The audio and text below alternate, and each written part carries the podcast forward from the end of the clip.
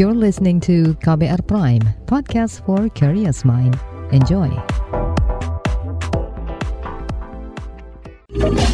Kamu lagi dengerin What's Trending KBR Pagi.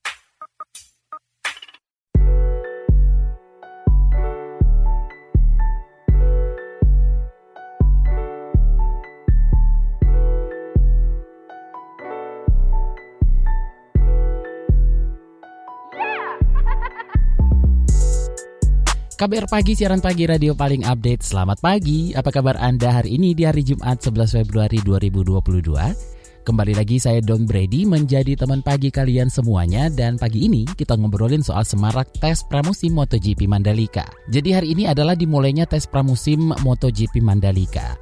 Event ini berlangsung selama tiga hari mulai tanggal 11 hingga 13 Februari 2022. Meski MotoGP 2022 sendiri akan start di Maret nanti, tapi tes pramusim pun tak kalah semaraknya. Seketika muncul berbagai cerita menarik buah dari acara bertaraf internasional ini. Beberapa media massa menyuarakan pujian-pujian yang keluar dari pembalap soal indahnya sirkuit Mandalika. Sementara di media sosial tak kalah ramai, netizen berkomentar kedatangan para rider dunia idola mereka. Mulai dari viralnya Fabio Quartararo dan Alex Espargaro yang kepergok beli kartu perdana di counter HP milik warga. Selain itu, akun Instagram Fabio Quartararo, pembalap asal Prancis itu memposting instastory dirinya di pantai seger dengan keterangan Love this country. Sementara akun Alexis Pargaro mengunggah postingan Alex bersepeda dan berlari, bermain ayunan di pantai dengan caption, Selamat pagi Indonesia, what a beautiful island is Lombok, wild and nature. Selain itu, status akun IG dari pembalap Alex Rins juga mengkonfirmasi kerennya sirkuit Mandalika dan dirinya tak sabar menaiki motornya di situ. Nah, sebelum kita obrolin soal ini, kita dengerin dulu komentar dari netizen plus 62 berikut ini. Kita ke komentar at Alex Espargaro. Thanks a lot. This island is very beautiful. Looking forward to race at Mandalika Circuit next month and see the grandstand full of Indonesian fans. Lalu komentar at Wang Lydia 90. Enjoy your stay, brother. Tell the world about our island Lombok. Lalu komentar at Fabio Q20. We love the Indonesia vibes. Komentar at Quartz Raro. Enjoy your day in here, King. Lalu komentar at LNDBDNS. Mandalika, Little Island from God. Komentarnya Dewa Hoya, Jorge Martin mulai jadi idola ibu-ibu sekitaran kota Lombok. Lanjut ke Ed Eri Palguna. Mulai rame video-video unik di sosmed dari para pebalap MotoGP Lombok Mandalika. Selamat menikmati Lombok yang indah. Jangan pedes-pedes makan ayam taliwang nanti gak jadi balapan. Komentarnya David Maulana 68. Para pebalap dan kru MotoGP begitu menikmati suasana Lombok dan mulai hari ini Lombok berkelas dunia berkat Mandalika yang dibangun pemerintahan Jokowi. Dan terakhir komentar Santa Kalsel 1, sirkuit MotoGP dan eksotika keindahan alam Mandalika dipuji pebalap dunia. What's trending KBR pagi? Kita lanjutkan obrolan kita pagi ini. Jadi pada tes pramusim MotoGP 2022 ini, para pembalap akan menjalani dua sesi tes pramusim per hari yaitu jam 8 pagi untuk sesi uji coba dan jam 15.45 sore sesi latihan start. Trek sirkuit Mandalika punya enam tikungan ke kiri dan 11 tikungan ke kanan, serta satu lintasan lurus utama. Menteri BUMN Erick Thohir pun menegaskan komitmen pemerintah menangani secara serius penyelenggaraan MotoGP Indonesia karena Pertamina Grand Prix of Indonesia bisa berlangsung berkesinambungan sampai 10 tahun lamanya. Ini dia pernyataannya. Ketika kita bicara national branding, penting sekali kita memposisikan bagaimana Indonesia yang maju dan yang tidak kalah pentingnya Indonesia yang mendunia. Nah karena itu saya rasa event MotoGP ini kenapa ditangani secara serius? Karena ini event yang berlangsung tidak sekali-sekali di Indonesia berbeda dengan kejuaraan dunia tadi ataupun Asian Games. Tetapi event ini insya Allah berjalan selama 10 tahun di Indonesia. Artinya ada kontinuitas dalam memposisikan Indonesia di dunia sebagai tadi. Bagaimana posisi kita sebagai negara besar. Dan tentu saya berterima kasih kepada Dorna yang mempercayai daripada penyelenggaraan MotoGP di Indonesia. Dan memang tepat sekali Dorna percaya kepada Indonesia karena secara ekonomi juga kalau kita lihat jumlah daripada motor produksi itu Indonesia adalah salah satu yang tertinggi di dunia. Dan kalau kita bicara juga bagaimana pendukung daripada MotoGP, generasi muda Indonesia merupakan salah satu yang tertinggi di dunia juga dalam memfollow daripada para pembalapnya dan juga event ini. Dan tentu saya berterima kasih dengan keseriusan yang dilakukan tadi dari pihak pemerintah daerah, pemerintah pusat, dan juga tentu dari ITDC Pak Bari, dan tentu apresiasi yang setinggi-tingginya kepada Pertamina yang memang sekarang kita terus dorong menjadi perusahaan global. Komandan Lapangan MotoGP Mandalika Hadi Cahyanto pun mengaku telah memastikan semua prosedur pelaku perjalanan luar negeri diberlakukan kepada semua pembalap dan kru balap MotoGP yang datang ke Lombok, terutama pelaksanaan sistem travel bubble atau gelembung perjalanan agar aman dari COVID-19. Ini dia pernyataannya selasa lalu. Travel bubble sudah kita laksanakan dan sampai saat ini berjalan dengan baik. Yang pertama adalah dari PPLN semuanya hasil PCR-nya negatif Perlu saya sampaikan di sini bahwa untuk bubble kita laksanakan di hotel-hotel itu dengan perimeter sesuai dengan batas hotel itu sendiri ya. Seperti Novotel, saya tanya kepada media, itu batasnya sampai pantai tidak? Sampai pantai. Berarti mereka bisa ke pantai kan? Bisa ke pantai karena mereka bertemu juga dengan teman mereka sendiri, kemudian bertemu dengan pelayan hotel yang sudah di screening dan dia bagian dari bubble.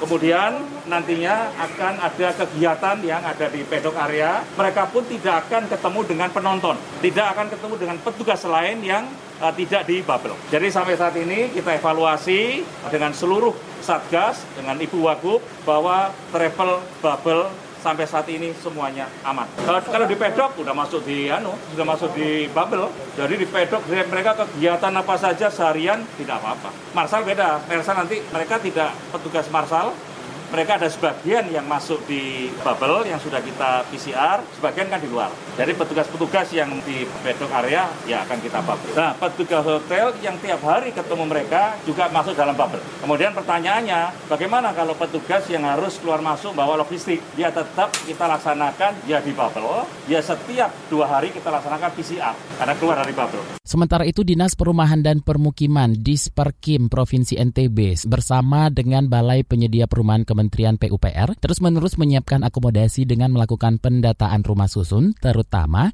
yang ada di Pulau Lombok. Hal ini demi memenuhi kebutuhan akomodasi hingga gelaran MotoGP Maret 2022. Kamar susun yang belum diserahkan ke masyarakat atau yang masih kosong akan menjadi akomodasi bagi penonton MotoGP yang tak mendapatkan kamar hotel. Selengkapnya kita simak penuturan Kepala Dinas Perumahan dan Pemukiman Provinsi Nusa Tenggara Barat Jamaluddin kemarin. Kita lagi berjibaku untuk mendata rumah rusun dan rusus karena untuk menutupi kekurangan kamar hotel itu kan sangat banyak sekali yang kita butuhkan. Dan termasuk kos-kosan juga sekarang. Kita ke kos-kosan juga. Karena banyak sekali sekarang kos-kosan juga ya. Ada yang kosong juga di Mataram maupun di Lombok Barat maupun di Lombok Tengah nah supaya penonton yang sekitar 100 ribu itu bisa tercover lah dengan eh, homestay, dengan rusun, dengan rusus, dengan kamar-kamar kos kita, masyarakat kita yang ada di Kota Mataram. Rusun itu di mana-mana, ada yang di kampus Al Azhar, ada di Pelabuhan Kayangan, Lombok Timur, ada yang di Kota Mataram, ada yang di N kampus NW, Nada Terwatan, banyak lah. Nah, jadi total yang sudah terbangun sekitar 45 gitu. Nah, dari 45 ini, ini yang kita data. Berapa sih yang tidak dihuni, yang belum disewakan kepada masyarakat. Uh, masyarakat. Istilahnya kosong, pas kebetulan motor GP aja kan daripada kosong ya, ya. dua tiga hari ke depan selama seminggu mungkin ya penonton itu akan hadir di Lombok daripada anda karuan nanti penonton ini akan nginap di mana-mana di pinggir jalan. Kalau kita lihat jumlah yang 100 ribu itu kan kamar hotel kita kan tidak sampai 50 persen. Dan bukan saja itu, kos-kosan rumah-rumah masyarakat kalau ada yang layak, kamarnya Anda kepake, bisa. What's Trending KBR Pagi Use me. Masifnya aksi penolakan vaksin COVID-19 membuat wali kota Ottawa, Jim Watson, mendeklarasikan status darurat ibu kota Kanada tersebut. Watson mengatakan konvoi kebebasan yang dilakukan masyarakat ini mengancam keselamatan dan keamanan penduduk saat pandemi COVID-19. Pendemo menolak vaksinasi COVID-19, dosis lengkap diwajibkan oleh pemerintah, menolak mematuhi protokol kesehatan, penguncian wilayah dan aturan karantina. Maraknya aksi penolakan ini membuat wali kota Ottawa meminta bantuan dari berbagai lembaga untuk mengatasi persoalan ini. Wali kota Yeruham Israel Tal Ohana ingin meningkatkan reputasi wilayah yang dipimpinnya sebagai pusat kekuatan teknologi ganja medis. Selama ini ganja dianggap ilegal di Israel, namun ganja dapat ditoleransi untuk kebutuhan tertentu. Saat ini sekitar 12 perusahaan rintisan atau startup telah mengerjakan ganja medis di Israel. Sebagian pihak percaya bahwa ganja dapat membantu Yeruham mengatasi masalah pengangguran. Ohana dikutip dari IFP mengungkapkan ambisinya untuk untuk menjadikan yang terdepan dalam sains dan teknologi di bidang tersebut. Sejauh ini, pihak berwenang telah mendorong penggunaan terapeutik selama dekade terakhir untuk mengobati kondisi medis yang parah dan stres pasca trauma pada mantan tentara. Di Israel Selatan, dekat kota Asdod, BOL Parma telah menanam 400 ribu tanaman ganja setiap tahun di 3,5 hektar khusus untuk penggunaan terapeutik.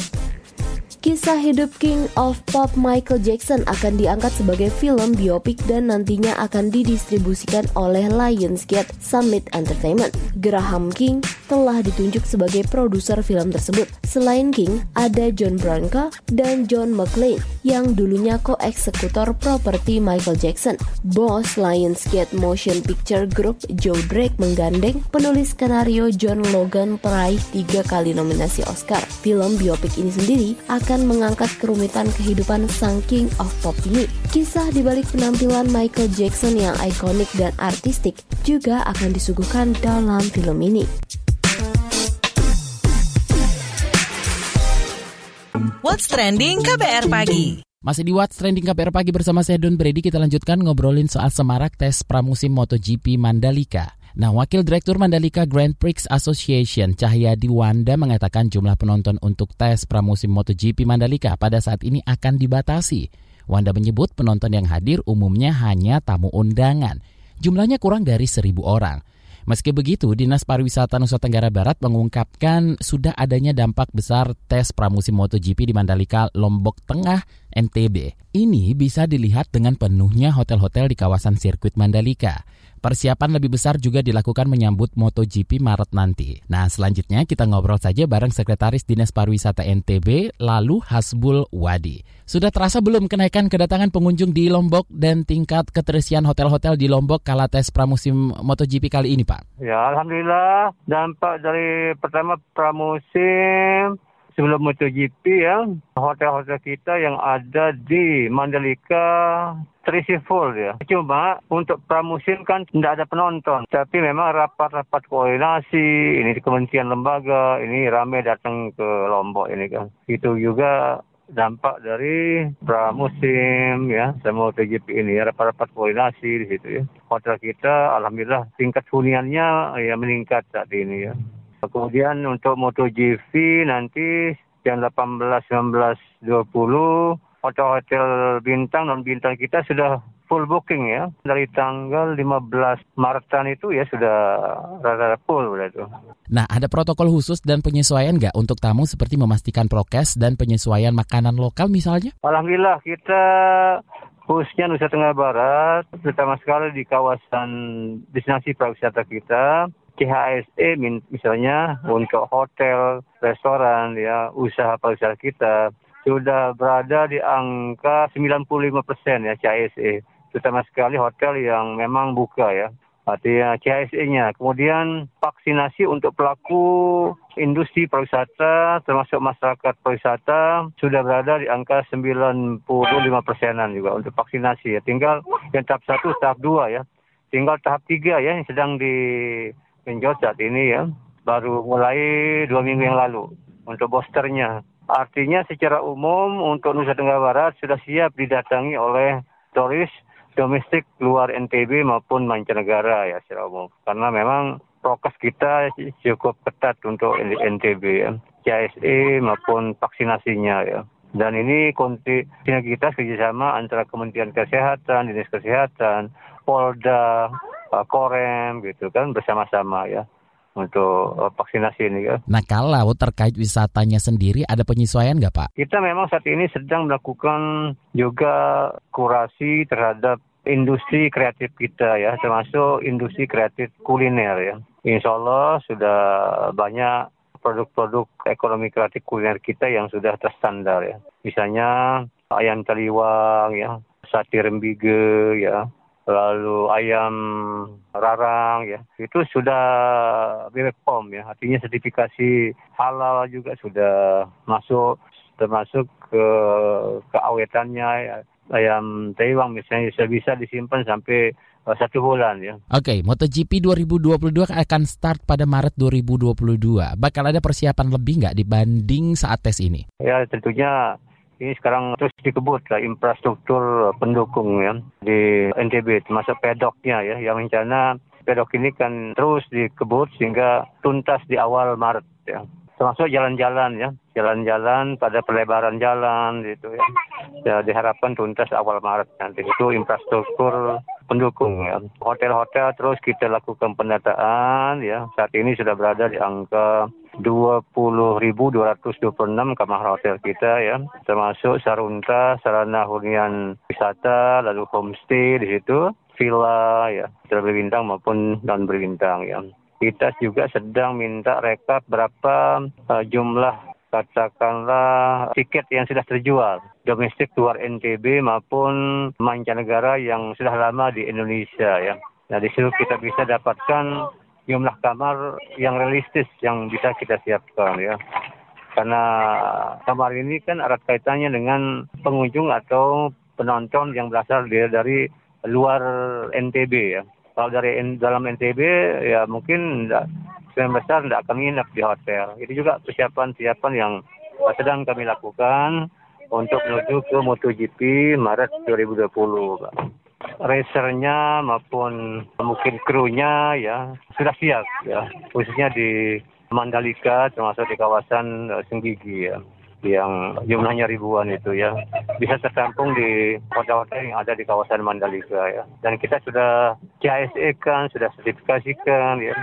Terima kasih Sekretaris Dinas Pariwisata NTB lalu Hasbul Wadi. What's trending KBR pagi? Commercial break. Commercial break. Bu Hado, kabar kamu? Ba, kabarnya. Gimana kabarnya? Kumaha damang? Piye kabare? Kayak apa kabar pian? Aga kareba, baji-baji ji.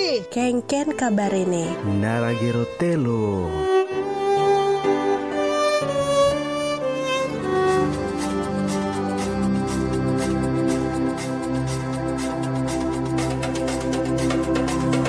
Indonesia yang sangat kita cintai ini begitu kaya, mulai dari alamnya, budayanya, sampai bahasanya. KBR Prime menghadirkan cerita tentang keberagaman Indonesia lewat teman seperjuangan. Berkolaborasi dengan Sabang Merauke, sebuah komunitas anak muda yang giat mendorong toleransi di Indonesia. Karena berbeda itu biasa, karena berbeda itu asik. Teman seperjuangan hanya ada di kbrprime.id. KBR Prime, podcast for curious mind. What's trending KBR pagi?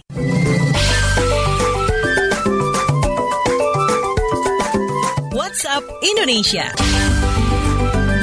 WhatsApp Indonesia kita mulai dari Desa Wadas Purworejo. Menteri Koordinator Bidang Politik Hukum dan Keamanan Mahfud MD mengakui adanya gesekan di proses pengamanan kegiatan pengukuran tanah di Desa Wadas, Kecamatan Bener, Kabupaten Purworejo, Selasa 8 Februari kemarin.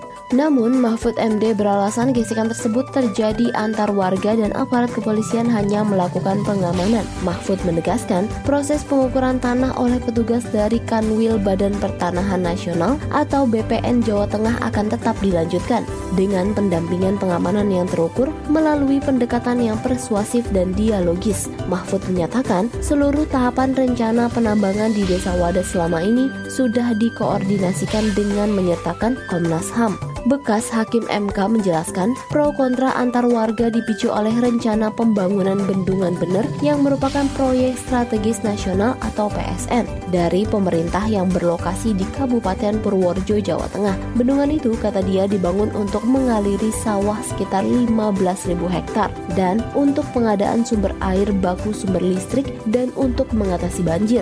Menko Polhukam Mahfud MD menyebut penolakan sebagian masyarakat desa Wadas tidak akan berpengaruh secara hukum terhadap penambang batu andesit di desa tersebut. Ia menegaskan rencana pembangunan bendungan benar dan penambangan batu andesit untuk pembangunan bendungan sudah berkekuatan hukum tetap dan tidak ada pelanggaran di dalamnya. Bahkan, semua instrumen mengenai analisis dampak lingkungan atau AMDAL juga sudah terpenuhi. Mahfud mengimbau agar masyarakat tidak terprovokasi dan mempercayakan penyelesaian masalah ini kepada pemerintah. Ia juga mempersilahkan masyarakat mengecek kebenaran kondisi di Desa Wadas terkait berita-berita yang beredar di media sosial. Selanjutnya menuju Balikpapan, Kalimantan Timur. Pemerintah kota Balikpapan kembali mengaktifkan PPKM di tingkat kelurahan dan RT. Wali kota Balikpapan Rahmat Masud mengatakan kebijakan ini diputuskan dalam rapat Forum Komunikasi Pimpinan Daerah bersama Camat dan Lurah. Menurutnya, pengaktifan PPKM di tingkat kelurahan dan RT untuk mempercepat deteksi dini kasus penularan COVID-19, khususnya bagi pelaku perjalanan dengan melakukan testing dan tracing. Wali Kota Balikpapan, Rahmat Masud menambahkan, untuk mencegah penularan COVID-19 semakin meluas, objek wisata juga akan ditutup pada akhir pekan. Sejauh ini, kasus aktif COVID-19 di Kalimantan Timur, 50 persennya disumbang oleh kota Balikpapan. Terakhir kita ke Nusa Tenggara Barat. Investor asal Finlandia mewujudkan rencana investasinya di Provinsi NTB dengan membangun pabrik pengolahan sampah plastik menjadi material bangunan yang berkualitas. Pabrik mulai dibangun di wilayah Kabupaten Lombok Barat. Nilai investasi proyek ini mencapai 2,3 juta euro. Gubernur NTB Zulkifli Mansyah mengatakan pembangunan pabrik pengolahan sampah plastik ini akan mewujudkan program NTB Zero Waste. Dia juga menekankan keterlibatan masyarakat dalam program ini. Sementara itu, Wakil Gubernur NTB Siti Rohmi Jalihah mengatakan pabrik yang dibangun oleh investor asal Finlandia ini bakal menghasilkan bata plastik.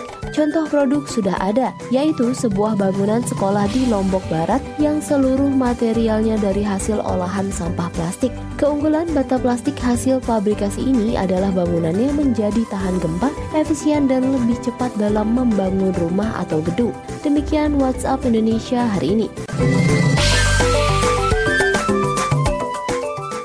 Demikian kabar pagi hari ini. Jika Anda tertinggal siaran ini, Anda kembali bisa menyimaknya di podcast What's Trending yang ada di Spotify, kbrprime.id, dan di aplikasi mendengarkan podcast lainnya. Dan Brady undur diri. Have a nice day, have a nice weekend, stay safe, bye-bye. Terima kasih ya sudah dengerin What's Trending KBR Pagi. KBR Prime, cara asik mendengar berita. KBR Prime, podcast for curious mind.